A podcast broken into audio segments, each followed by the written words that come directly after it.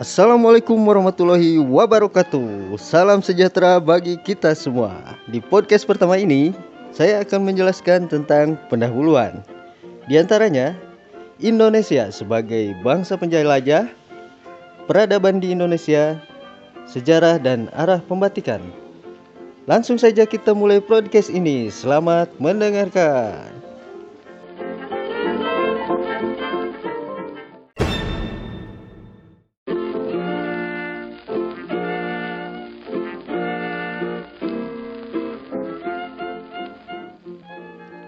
Batik merupakan salah satu produk budaya bangsa Indonesia.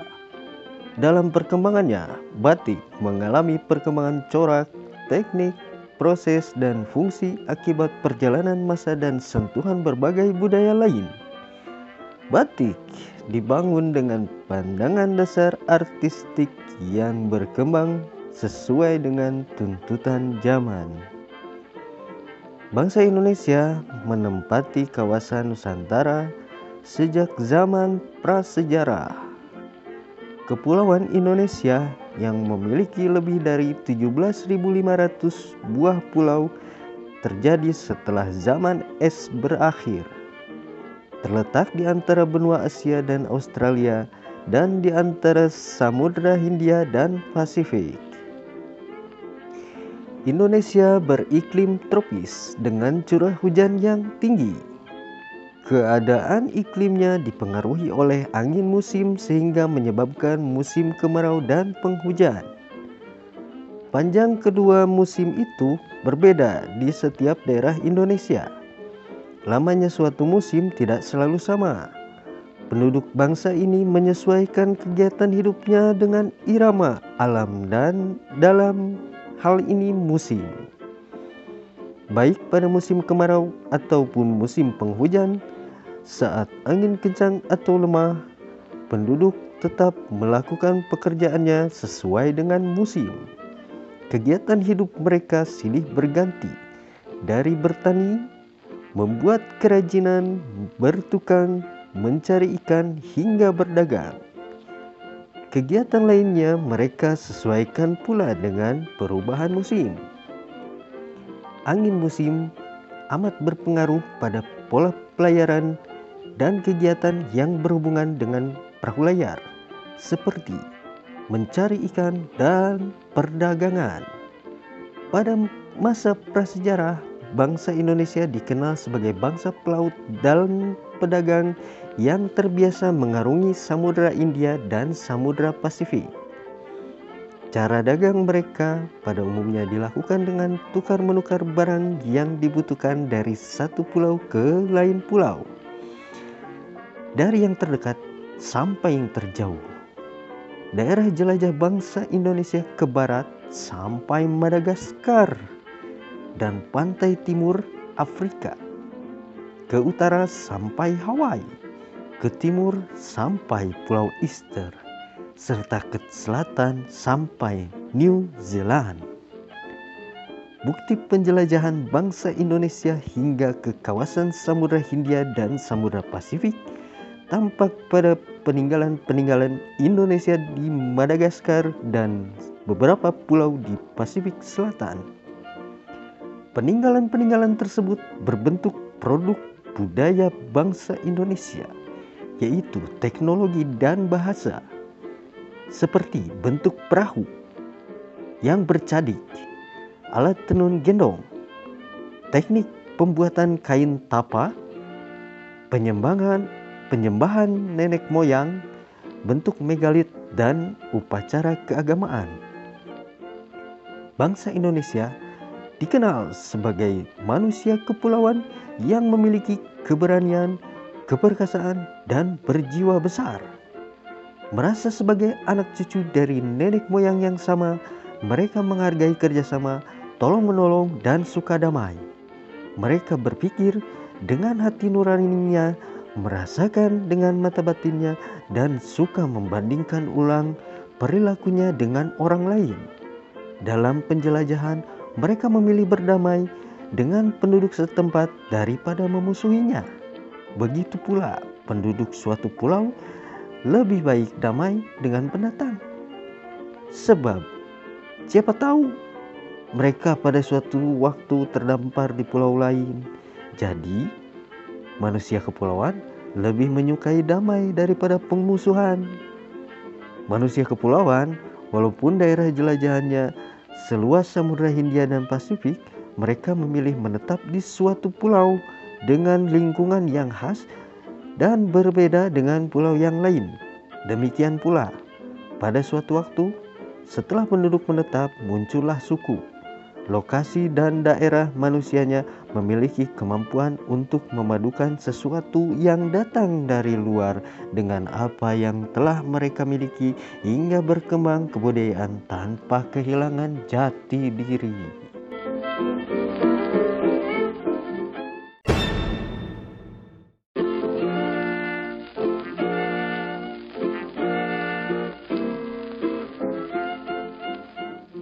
Peradaban Indonesia Babakan peradaban bangsa Indonesia dimulai dengan masa berburu dan menangkap ikan. Masa ini ditandai dengan lukisan pada dinding-dinding gua dengan tema kapal layar, perburuan binatang dan tema kepercayaan terhadap kekuatan roh nenek moyang. Kemudian disusul masa bercocok tanam. Masa ini ditandai dengan gambar manusia dan binatang yang melambangkan kesuburan, kemakmuran, dan keselamatan yang dikendalikan oleh roh nenek moyang. Selain seterusnya, dikenal masa perundagian yang merupakan awal pengakuan terhadap golongan undagi. Undagi adalah orang yang memiliki keterampilan khusus seperti pembuat gerabah, perahu, rumah kayu, perhiasan, anyaman, tenunan, dan sebagainya. Peninggalan masa perundagian banyak berupa pecahan gerabah atau perhiasan logam yang banyak mengungkap bentuk-bentuk ragam hias dekoratif. Seiring dengan masa perundagian, berkembang pula kebudayaan perunggu yang berlangsung sekitar tahun 500 sebelum Masehi. Masa ini ditandai dengan barang-barang yang terbuat dari perunggu dengan produk ragam hias berbentuk spiral geometris. Ragam hias figur manusia dan binatang merupakan lambang mitologi kepercayaan pada nenek moyang yang termasuk binatang mitologi antara lain kerbau, kuda, burung, enggang, ayam jantan, buaya, biawak, kadal, dan katak. Pada awal tarikh Masehi, bangsa Indonesia telah mengembangkan kontak dagang dengan Cina dan India. Perahu-perahu Indonesia menjadi alat angkutan laut dan membawa barang dagangan ke India dan Cina. Kekayaan alam Indonesia telah menarik perhatian kedua bangsa itu, terutama kayu wangi, rempah-rempah, emas, dan perak. Orang Cina telah lama berhubungan dagang dengan orang Indonesia dan bahkan berpindah ke Indonesia dalam jumlah besar. Integrasi budaya Cina ke dalam budaya Indonesia dimulai sejak kebudayaan perunggu yang ditandai dengan ragam hias banji dan mender. Kemudian, pada masa pengaruh agama Hindu dan Buddha ditandai dengan bunga teratai, awan, lidah api, naga, merak, phoenix, singa, dan sebagainya. Integrasi budaya India mulai tampak ketika bangsa Indonesia mengenal sistem pemerintahan kerajaan yang mendapat pengaruh agama Hindu dan Buddha. Kejayaan kerajaan dan kemakmuran rakyatnya dilambangkan pada bentuk bangunan candi yang berfungsi sebagai pemujaan Tempat pemujaan merupakan daerah yang disucikan. Karena itu, bentuk bangunan, patung, ukiran, dan ragam hias tanaman mulai dikenal, yang umumnya disusun dalam bentuk sulur-suluran, lung-lungan, berirama, dan terkesan dekoratif. Ragam hias lainnya berupa ekspresi wajah yang digabung dengan tanaman, makara, gajah, kuda, singa, garuda, merak, nuri, ular, dan sebagainya. pada candi juga ditemukan ragam hias ceplok yang merupakan pengulangan teratur seperti jelaprang, kawung, dan sebagainya. Kekayaan ragam hias sejak masa prasejarah yang kemudian ditambah dengan bentuk ragam hias paduan budaya Cina dan India merupakan variasi yang sangat menarik karena memadukan berbagai budaya antar bangsa. Keragaman bentuk ragam hias sangat dipengaruhi oleh faktor adat istiadat yang berbeda, situasi, kondisi, dan senimannya. Tetapi, kebutuhan terhadap ragam hias termotivasi oleh kebutuhan artistik karena salah satu ciri manusia Indonesia adalah artistik. Daya artistik yang besar terungkap dalam segala rupa ciptaan artistik dan kerajinan yang sangat indah. Konsep artistik dalam tradisi budaya Indonesia sangat luas. Tidak hanya kulitnya saja, tetapi juga isi yang padu, sehingga tercapailah keseimbangan, keselarasan, keserasian, dan kelestarian. Menurut Primadi Tabrani, konsep artistik seni tradisional Indonesia adalah sebagai berikut. Dalam tradisi Indonesia, tak ada karya seni rupa yang dibuat semata untuk keindahan. Sebaliknya, tak ada benda pakai, yaitu sehari-hari, atau upacara, atau sosial, atau kepercayaan, atau agama yang asal bisa dipakai ia pasti indah. Indahnya bukan sekedar memuaskan mata, tetapi melebur dengan kaidah sosial, adat, tabu, agama, dan sebagainya hingga selain bermakna sekaligus indah. Karena itu, Pembuatan karya seni rupa memerlukan ketelitian duplikasi, namun tak ada dua karya yang persis sama, bukan hanya karena buatan tangan manusia, tapi masih terpengaruhi situasi, kondisi, dan siapa senimannya. Dalam perumpamaan tradisi seni di Indonesia, tak ada yang senaturalis, senaturalis atau seabstrak barat yang disukai dekoratif dan ragam hias. Juga tak ada yang sesimetri atau seasimetri barat yang disukai keseimbangan dinamis. Juga tak disukai berpikir dan berkomunikasi yang sekonkret atau seabstrak barat yang disukai simbolik. Semua ini erat hubungannya dengan tradisi Nusantara yang bersifat dualisme yang duit tunggal. Ada dunia atas seperti dewa, angkasa, gunung, lelaki, baik, kanan, dan sebagainya. Sebagai pasangannya ada dunia bawah, manusia, laut, wanita, jahat, kiri, dan sebagainya. Dualisme ini bukan untuk dipertentangkan, tetapi untuk diintegrasikan. Yang penting bukan mana yang lebih unggul, kuat, berkuasa, tapi bahwa keduanya perlu bekerja sama. Dan yang satu belum lengkap bila belum didampingi pasangannya. Kemajuan dipahami sebagai hasil integrasi dari dualisme itu menjadi duit tunggal. Ini berbeda dengan barat yang memahami kemajuan sebagai hasil pertentangan antara dualisme atau dua kutub yang bertentangan yang kita kenal sebagai dialektika. Jadi, konsep artistik tradisi seni rupa Indonesia adalah perwujudan dari nilai-nilai integral sebagai perpaduan dari dualisme yang saling melengkapi yaitu konsep Dwi Tunggal. Karena itu, seni rupa tradisional Indonesia banyak terungkap dalam bentuk ragam hias yang bersifat dekoratif, simbolik, dan dinamis. Ragam hias adalah bagian yang tak terpisahkan dari sisi tekstil Indonesia. Ragam hias juga menggambarkan adanya perbedaan suku bangsa, daerah, dan bahkan dusun. Dengan demikian, bangsa Indonesia memiliki kebinekaan ragam tekstil. Ini dapat menggambarkan kekayaan budaya bangsa Indonesia. Adanya perbedaan teknik dan proses menandai perbedaan ragam hias tekstil sejak masa prasejarah sampai sekarang.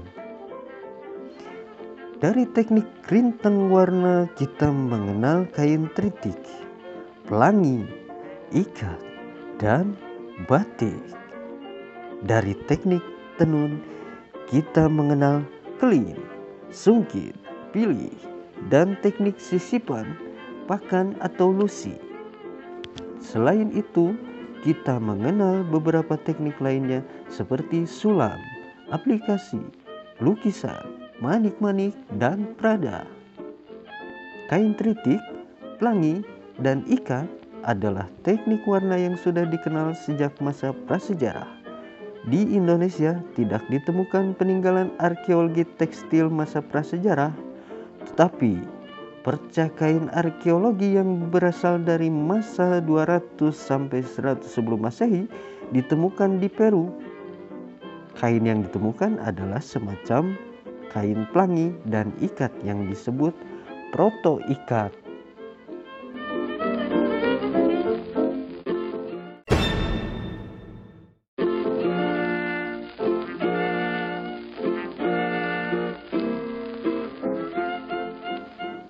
Sejarah dan arah pembatikan Sekalipun tidak mungkin ditemukan selembar kain batik sebagai bukti arkeologi tentang keberadaan batik pada masa silam, tetapi bukti sejarah tentang teknik rintang warna, ragam hias dekoratif, simbolik, keseimbangan dinamis yang menjiwai bentuk batik sudah dikenal pada masa prasejarah.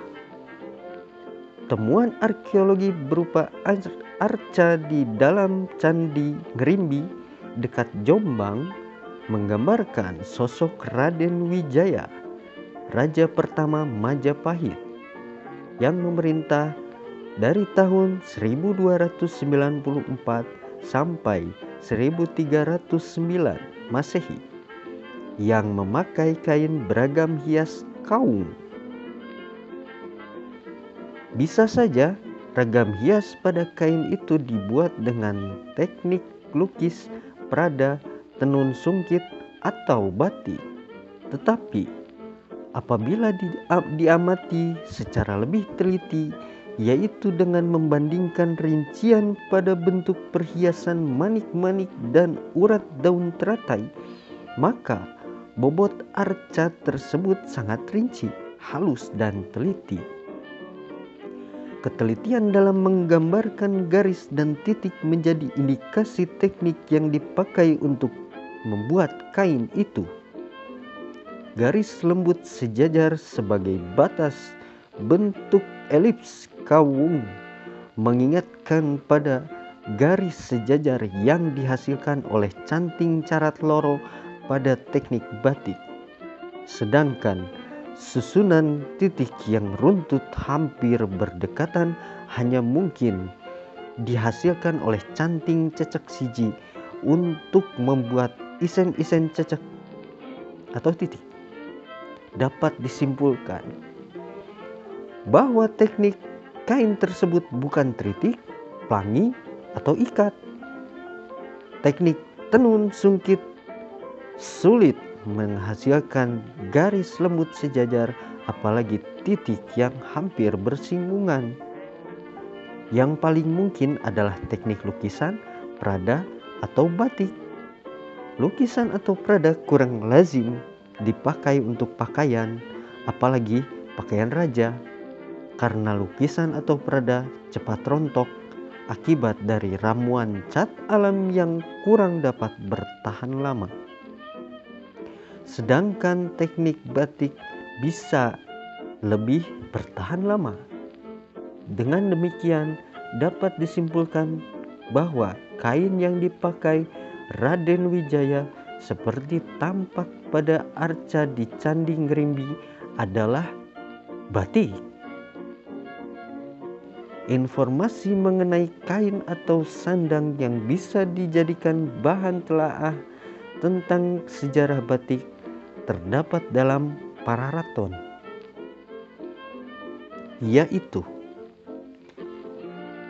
Semangka Raden Wijaya Adum Lancingan Gringsing Ring Kaulam Nira Sawiji Sorang Ayun Sing Angamuka Kang Dinuman Sira Sora Sira Ranggalawe Sira Dangdi Sira Gajah Sira Sora Anempu Ake Longeng Wong Daha Artinya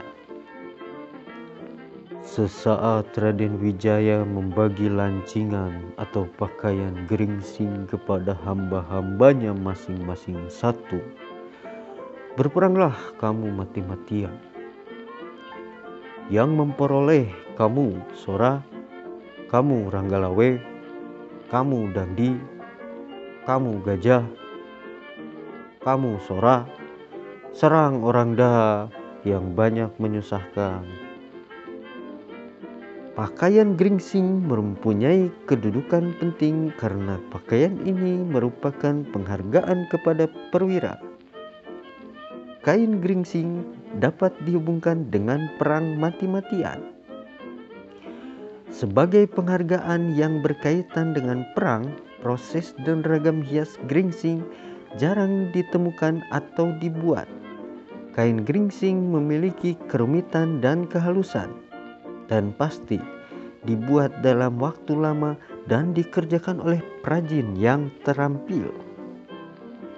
Di, be di beberapa daerah pedalaman Jawa Timur, khususnya Tulung Agung, Trenggalek, dan Majan, masih dijumpai ragam hias gringsing. Ragam hias gringsing dipadu dengan flora dekoratif sebagai susunan yang lazim pada masa Hindu dan Buddha terkesan datar. Gringsing pada batik sebagai ragam hias tanahan atau latar berupa sebaran isen-isen mata deruk atau bulatan di diameter setengah sentimeter yang saling bersinggungan. Waktu pembuatan batik gringsing lama karena ragam hiasnya terdiri atas latar yang berupa ribuan bulatan kecil yang saling bersentuhan. Pada pertengahan proses, garis-garis pada bulatan kecil yang semula terbentuk dari malam itu akan dikurik atau diambil agar dapat diresapi warna soga. Batik gringsing jarang dibuat karena pembuatannya memakan waktu lama sehingga harganya relatif mahal. Dibandingkan dengan daur hidup, daur hidup ragam hias tekstil lainnya yang juga berkembang di Indonesia, ragam hias kaum mempunyai daur hidup yang panjang. Sampai sekarang, ragam hias ini masih diminati banyak orang. Barangkali karena kain beragam hias kaum dianggap sebagai pakaian raja dan para dewa yang dianggap sebagai simbol anutan. Demikian pula dengan geringsing yang masih hidup sampai sekarang karena dianggap sebagai ragam hias yang melambangkan kesatriaan dan kebangsawanan. Dengan pertimbangan di muka dapat ditarik kesimpulan bahwa kain yang diberikan oleh Raden Wijaya kepada para perwiranya cenderung batik dengan ragam hias gringsing.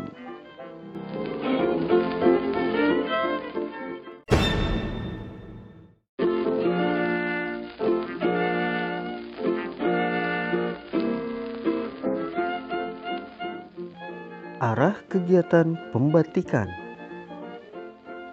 dalam sejarah pembatikan, ragam hias batik telah mengalami pertumbuhan dengan berbagai aspeknya. Pertama, batik sebagai kegiatan sambilan wong cilik. Kedua, batik sebagai mata dagangan. Ketiga, batik sebagai kegiatan tradisi dari kalangan bangsawan. Keempat, batik sebagai usaha dagang sebagian orang Cina dan Belanda Indo yang ragam hias dan fungsinya semula ditujukan untuk kalangan terbatas. Kelima, sebagai kebutuhan seni atau desain dengan konstelasi konsep kontemporer. Batik sebagai kegiatan sambilan wong cilik sampai sekarang masih berlangsung di dusun-dusun pinggiran kota mata pencaharian utama wong cilik umumnya masih berhubungan dengan pertanian atau perikanan. Di pinggiran kota Sampang, Bangkalan, Tuban, Tulung Agung, Mojokerto, Trenggalek, Pacitan, Wonogiri, Bantul, Banyumas, Indramayu, Tegal, Pekalongan, Rembang, dan sebagainya masih banyak dijumpai pembatik-pembatik sambilan. Pembatik sambilan umumnya bekerja sebagai pembatik apabila sedang tidak ada kegiatan bertani atau mencari ikan. Waktu kerja mereka tidak teratur. Ragam hias yang mereka pilih umumnya adalah ragam hias yang secara turun-temurun sudah dikenal dan menjadi tradisi di daerah tersebut. Karena itu, mereka dapat secara langsung membatik dan menggambarkan ragam hias tersebut pada kain tanpa disungging terlebih dahulu. Dilihat dari proses penggambarannya, cara kerja ini sangat cepat dan spontan tetapi kurang rajin dan teliti. Ragam hias di batik hanya dengan canting kelowongan tanpa menggunakan canting lain. Kain yang mereka pilih umumnya adalah morik biru dengan kualitas prima. Mereka jarang menggunakan primissima. Warna yang dipilih biasanya disesuaikan dengan tradisi yang berkembang di daerah yang bersangkutan. Batiknya cenderung memiliki ragam hias relatif besar dan tidak kerinci. Batik wong cilik cenderung kasar sehingga harganya murah. Mutu dan ragam hiasnya tidak standar sehingga kita sukar menemukan kesamaan antara yang satu dengan lainnya.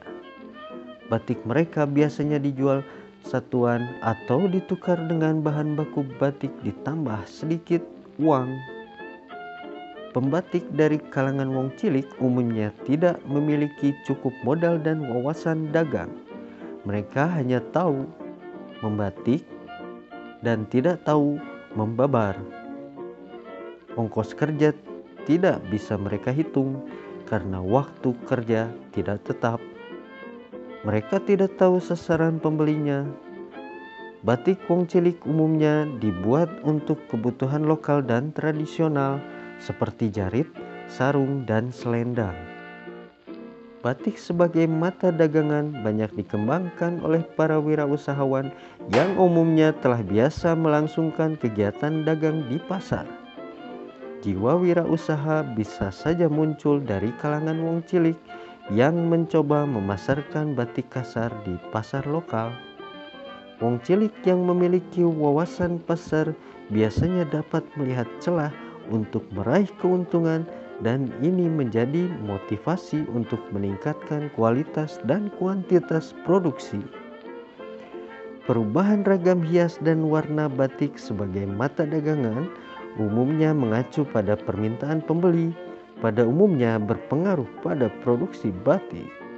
Para pedagang batik sadar bahwa keadaan pasar dapat berubah. Karena itu, ragam hias dan warna harus mengikuti perubahan yang terjadi di pasar.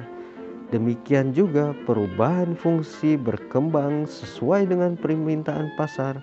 Akibatnya, batik sebagai mata dagangan menuntut suatu corak yang dinamis, keanekaragaman kebutuhan, penyelesaian yang cepat, proses yang efisien, dan mutu yang stabil.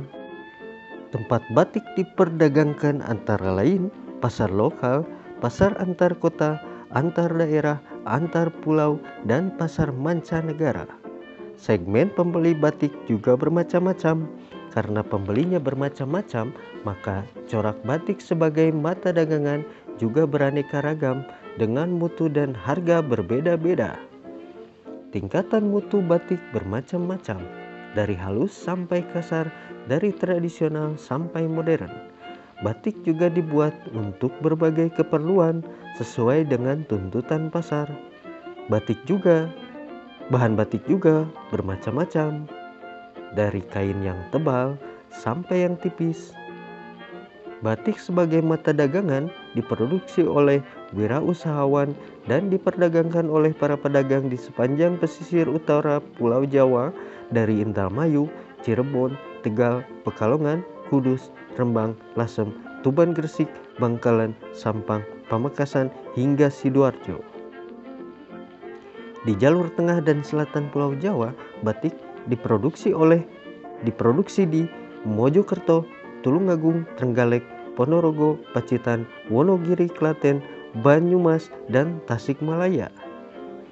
Kalangan pengusaha dari Solo dan Yogyakarta juga membuat batik untuk diperdagangkan. Perkembangan batik banyak berkaitan dengan upaya para pedagang dan wirausahawan muslim yang menawarkan batik ke berbagai daerah di Nusantara. Para pedagang muslim yang masuk dalam lapisan menengah pribumi adalah penyokong siar agama dan membantu kelangsungan hidup pesantren sebagai tempat pendidikan bagi puar pembawa siar agama. Mereka memilih kemandirian dalam menentang penjajahan Belanda di tanah air. Tidak sedikit pedagang dan wirausahawan muslim tersebut telah mapan keadaan sosial ekonominya. Karena itu, mereka dapat menunaikan ibadah haji sehingga menjadi wong kaji. Peran sebagai wong kaji memberi corak khusus pada ragam hias batik, yaitu ragam hias yang tidak dilarang oleh agama. Dalam pengembangan produksi, wong kaji menarik kalangan wong cilik untuk menjadi tenaga pembatik dan membagi kerja secara lebih efisien. Mereka menetapkan upah atas dasar harian atau borongan. Mereka menetapkan setiap hari masuk dengan libur hari Jumat.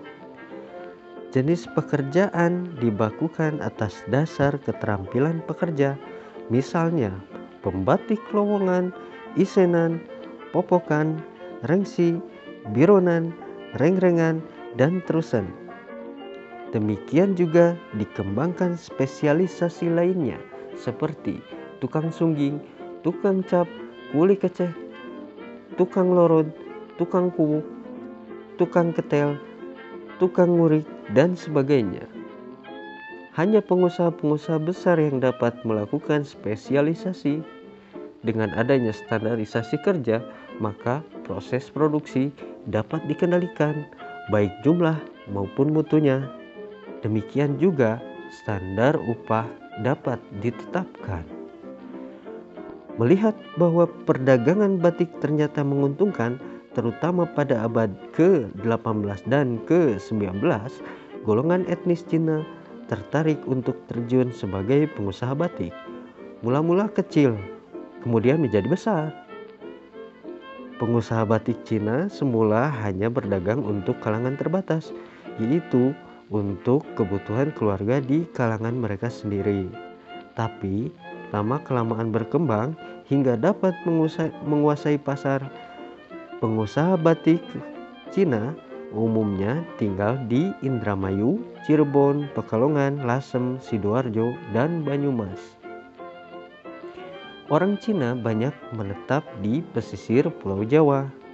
Mereka sudah ada di sana sejak masa permulaan Islam.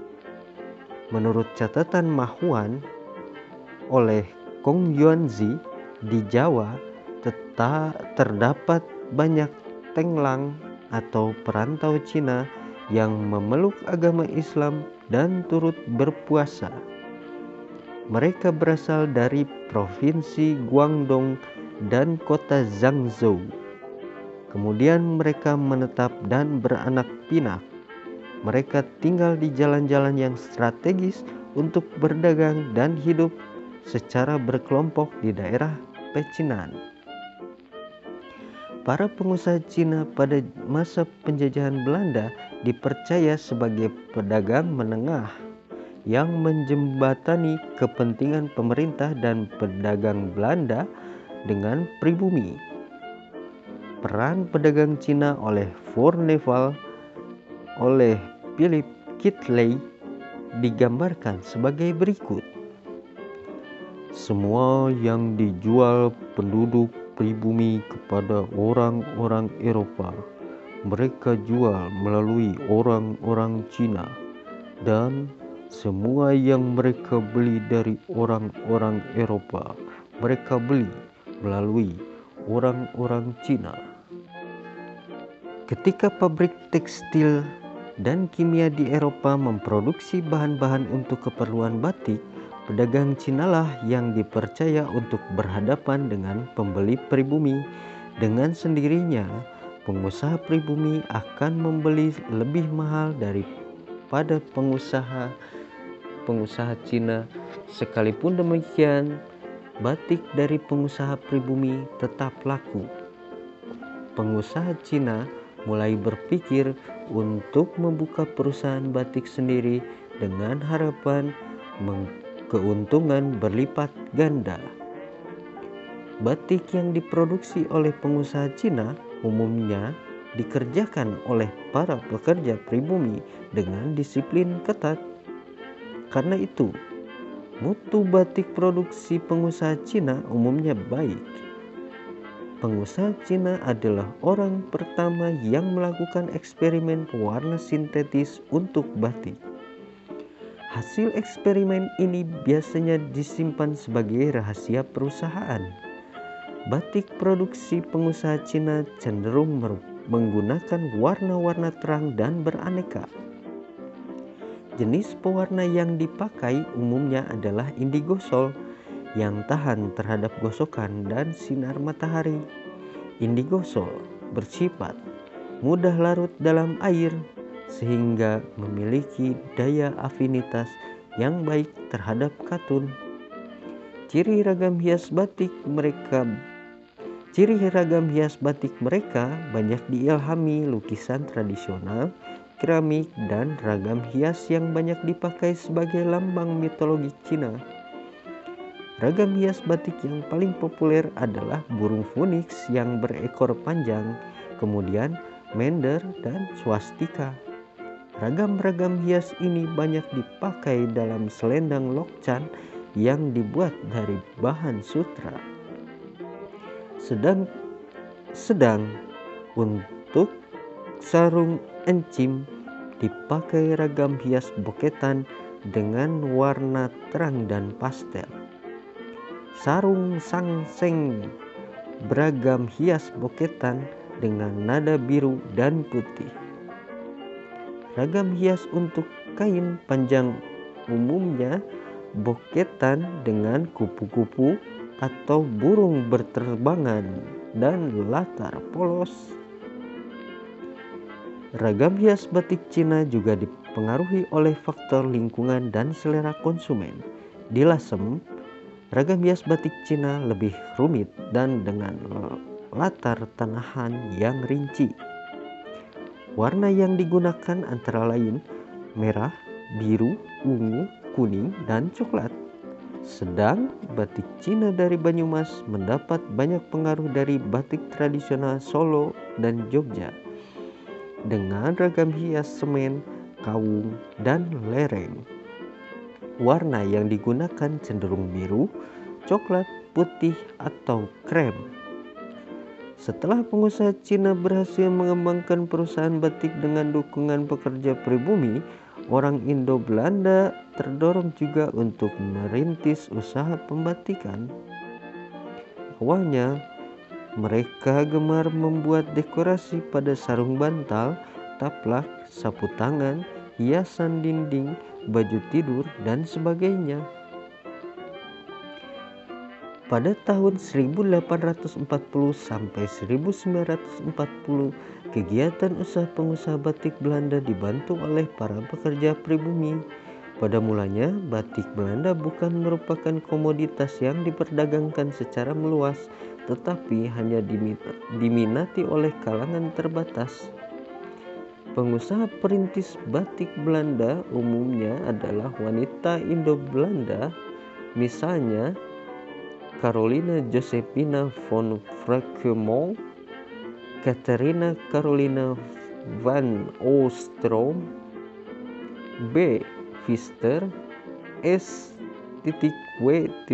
Ferns, Scarf Van Dop L titik Metzelar W titik Bir Eliza Charlotta Van Zuylen AJF Jas Simonet Materon dan lain-lain.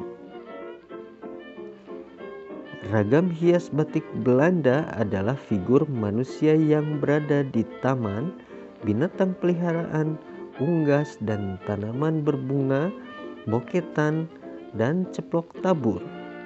Warna batik cenderung kontras, merah, merah biru, nada biru dan putih, kadangkala soga. Sekalipun banyak dibantu oleh pembatik pribumi, hasil karyanya selalu dibubuhi tanda tangan mereka Ketika mereka mencoba pewarna sintetis indigosol, corak warna cenderung lembut dan beraneka warna.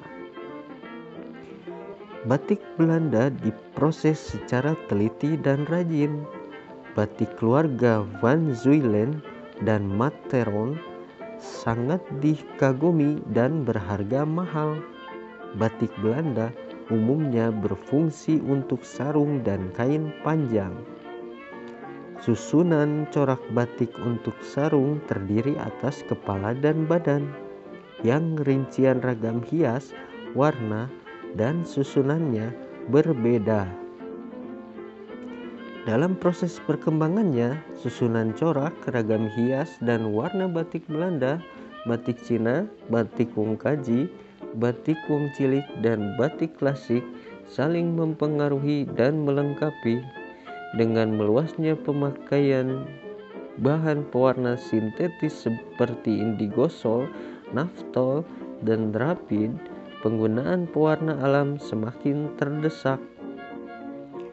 Pengusaha batik sekarang ini lebih memilih menggunakan bahan pewarna sintetis daripada pewarna alam karena lebih banyak memberikan alternatif warna lebih efisien dan efektif sedangkan bahan pewarna alam semakin sulit diperoleh, karena itu jarang dipakai.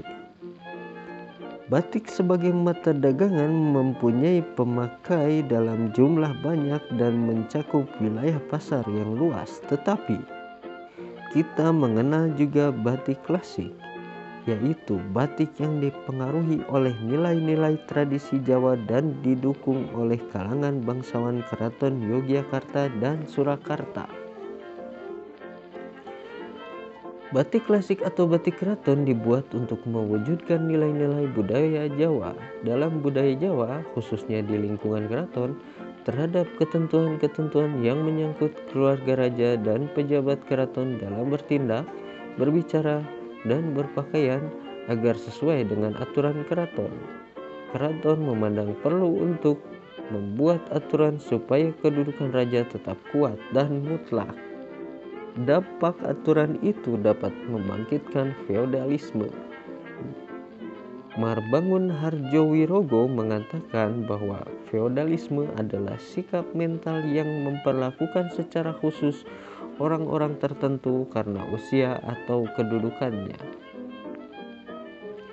Feodalisme tampak pada bahasa Jawa yang bertingkat-tingkat, yaitu kasar atau rendah, sedang, dan halus untuk orang-orang tinggi untuk berkomunikasi dengan orang yang lebih tua atau lebih tinggi kedudukannya digunakan bahasa kromo dan sebaliknya untuk berkomunikasi dengan orang lebih muda atau lebih rendah lebih rendah kedudukannya dipakai bahasa ngoko kehalusan bukan hanya saja dalam bahasa sebagai alat komunikasi, tetapi juga diwujudkan dalam bahasa rupa. Memilih kain, menetapkan corak, menggambar ragam hias, dan memilih warna terkait dengan tujuan pencapaian tingkatan yang lebih halus atau sopan, khususnya bagi kalangan keraton. Ketetapan-ketetapan raja yang menyangkut busana keraton dapat diartikan sebagai perintah untuk meningkatkan keterampilan, kerajinan, ketelitian, dan kehalusan dalam tata busana keraton, khususnya kain batik. Aturan keraton yang merupakan upaya penghalusan kehidupan sehari-hari di keraton tercermin dalam dasar sila keraton yang berbunyi Ngadi salira, ngadi busana, ngadi jiwa, ngadi ngadilaga, wisastra, uda negara, tata krama, tata cara, susila dan utama. Dalam praktek, keseluruhan sila itu harus terpadu menjadi satu sebagai upaya penghalusan. Aturan yang melarang corak-corak batik tertentu didasarkan atas pertimbangan feodalistik seperti dikatakan oleh Philip Kitley berikut ini. Raja mengumumkakan bahwa batik telah kehilangan sifat-sifat eksklusifnya yang dahulu karena kini dibuat oleh perajin Jawa. Pangkat atau kedudukan tidak lagi dihubungkan dengan produk itu sendiri dan rumah tangga kerajaan terpaksa membuat rancangan pola dikerjakan secara teliti dan terperinci untuk menunjukkan para pemakai batik dari keluarga kerajaan dan membedakan mereka dari pemakai yang lain. Salah satu aturan yang melarang pemakaian corak batik tertentu dikeluarkan pada tahun 1769 oleh Sunan Pakubuwana III yang memerintah pada tahun 1749 sampai 1788. Sujoko menulis sebagai berikut. Ana dene kang arupa jajarit kang kalebu ing larangan ingsun batik sawang, batik sawat lan batik parang rusak. Batik cumang kiri kang calacap modang. Bangun tulak, lengak teleng, daragem lan tumpal. Andene batik cumang kirang ingkang acalacap lunglungan atau kembangan. Ingkang ingsun kawenangken anganggoha papatih ingsun lan sentaning sun kawulaning sun wedana. Yang artinya adapun rupa jarit yang termasuk dalam larangan saya batik sawat dan batik parang rusak batik cumang kiri yang berupa modal bangun tulak lengak teleng, daragem, dan tumpal. Adapun batik cumang kirang yang berupa lunglungan atau kekembangan, saya izinkan untuk dipakai oleh para patih saya dan keluarga bangsawan abdi dalam wedana. Pada tahun 1785, Sultan Yogyakarta mencanangkan bahwa pola parang rusak diperuntukkan bagi keperluannya pribadi. Pada tahun 1792 dan 1798, keraton mengeluarkan pembatasan-pembatasan selanjutnya atas corak sawat, lar, parang rusak, cumang kirang, dan udan liris. Corak dalam batik klasik bukan hanya dimaksudkan untuk membedakan status atau tingkat kebangsawanan, tetapi juga dikaitkan dengan waktu dan bentuk upacara yang ada dalam tradisi Jawa. Niels Mulder menyebutkan bahwa kehidupan orang Jawa bersifat seremonial. Orang Jawa selalu asyik meresmikan sesuatu melalui upacara, yaitu mengorganisasi sesuatu supaya sesuatu itu menjadi menjadi nyata dan resmi dan upat dan supaya hubungan-hubungan baru dapat diformalkan. Keadaan yang berubah-ubah harus ditet ditetapkan dan dipolakan sehingga jelas bentuknya. Orang Jawa menganggap banyak bentuk atau ragam hias pada batik lebih penting daripada isi atau latar dan kain dasar. Pekerjaan membuat ragam hias dengan cara menuangkan malam di atas kain disebut ambatik. Dilihat dari seluruh rangkaian proses pembatikan, waktu paling banyak yang dihabiskan untuk ambatik. Untuk menyelesaikan satu lembar kain batik tulis halus dibutuhkan waktu lebih dari tiga bulan, katakanlah 100 hari. Waktu untuk mencelup dengan nila sekitar tujuh hari menyoga sekitar tujuh hari, mengurik sekitar tiga hari, dan melorot sekitar satu hari. Jadi, waktu yang dipakai untuk ambatik atau membuat ragam hias sekitar 82 hari. Pembentukan ragam hias dianggap penting karena itu membutuhkan ketelitian, kerumitan, kerajinan, dan keindahan yang tinggi. Untuk mencapai mutu batikan atau ragam hias yang tinggi, dipilih mata canting yang halus, malam yang rekat dan liat, serta pelelehan dan pengapian malam yang stabil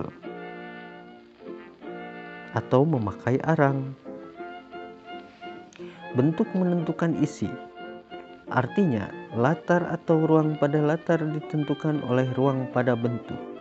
Bentuk menguasai kenyataan sebab ruang pada latar tidak mempunyai arti tanpa kehadiran bentuk dan sebaliknya bentuk tidak akan terwujud menjadi kenyataan apabila dasar latar atau kain dasar tidak ada. Isi atau latar atau kain di dalam kain dasar termasuk bentuk dan keduanya tidak dapat dipisahkan Hubungan bentuk dan isi tidak hanya berlaku pada seni rupa saja, tetapi juga seni tradisi lainnya. Bahkan bahkan ini sudah menjadi pandangan hidup orang Jawa. Perwujudan bentuk yang jelas, teratur dan formal dalam corak batik ditunjukkan melalui garis-garis yang dibangun secara simetri dan teratur yang menghubungkan titik-titik yang pasti dalam struktur mata angin. Keteraturan biasanya terbaca pada susunan pola ulang, irama bentuk, dan garis ilusi yang menjadi kerangka corak.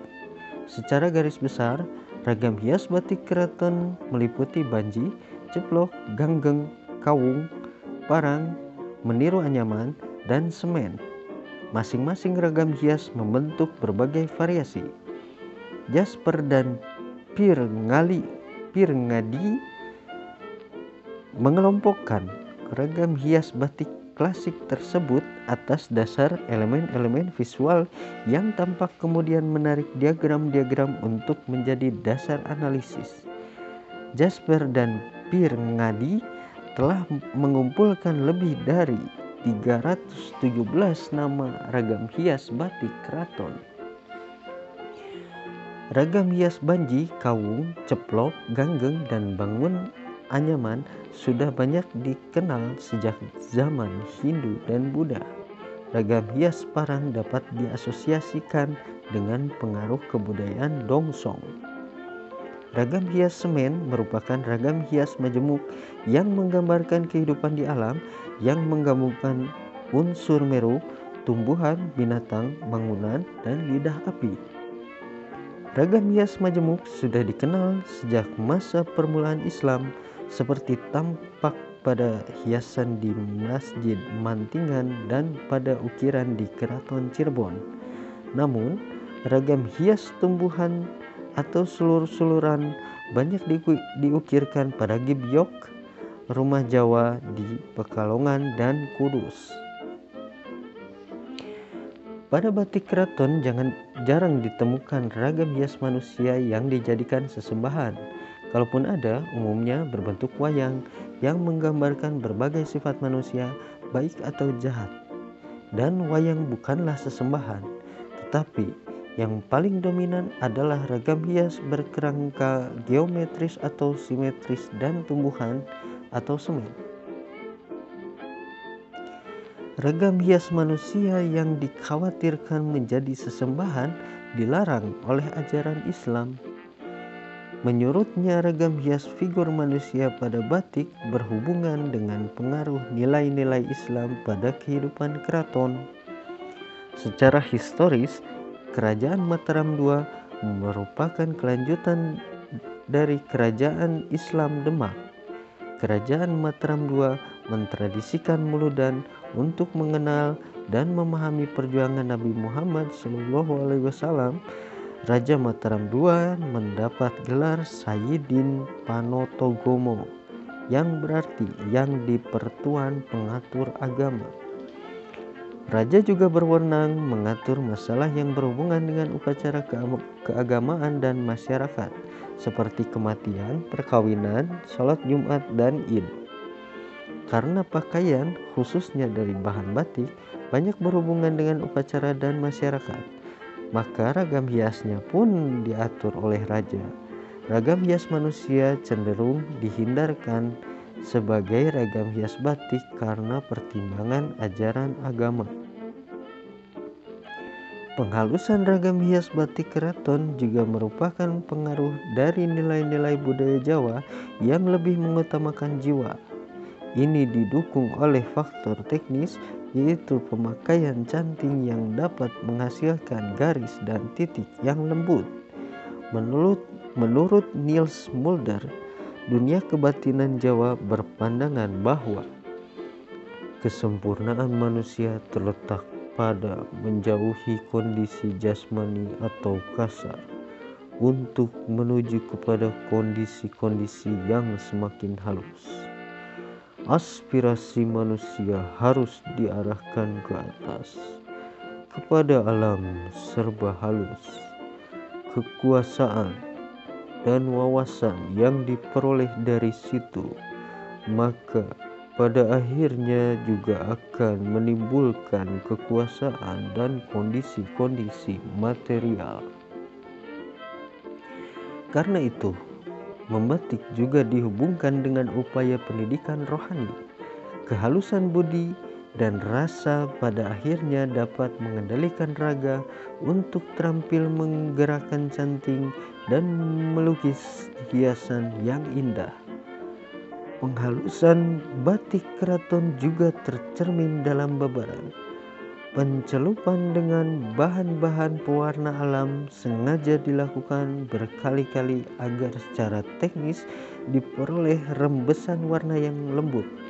Tingkatan warna berubah pelan dan tidak membuat tingkatan warna mendadak atau membuat goncangan sehingga tercapai harmoni. Batik keraton diproduksi secara terbatas untuk kalangan bangsawan perkembangan coraknya tetap dengan warna dominan biru, soga, dan warna dasar. Pada akhir abad ke-20, aspek sasaran batik sebagai pakaian tradisional tampak semakin surut. Sekarang, batik lebih dilihat sebagai teknik rintang warna yang memiliki kelebihan efek visual daripada teknik langsung warna. Terdapat berbagai kemungkinan kreatif atau inovatif pada batik yang menyangkut bahan baku kain, desain benang, bangun anyaman, dan paduan serat. Prospek kreatif atau inovatif pada ragam hias, batik olahan malam, bahan pewarna kimia, proses penyempurnaan lainnya, serta pengembangan fungsi batik baik sebagai desain atau seni masih terbentang luas. Batik adalah salah satu citra budaya bangsa Indonesia. Batik Indonesia memiliki kekhasan pada kerajinan, kerumitan, dan kehalusan ragam hias akibat tapak cantiknya. Potensi pembatik cukup besar dan menyebar luas. Mereka menanti uluran tangan dari para perancang dan seniman untuk secara bergandengan menyongsong masa depan yang lebih cerah.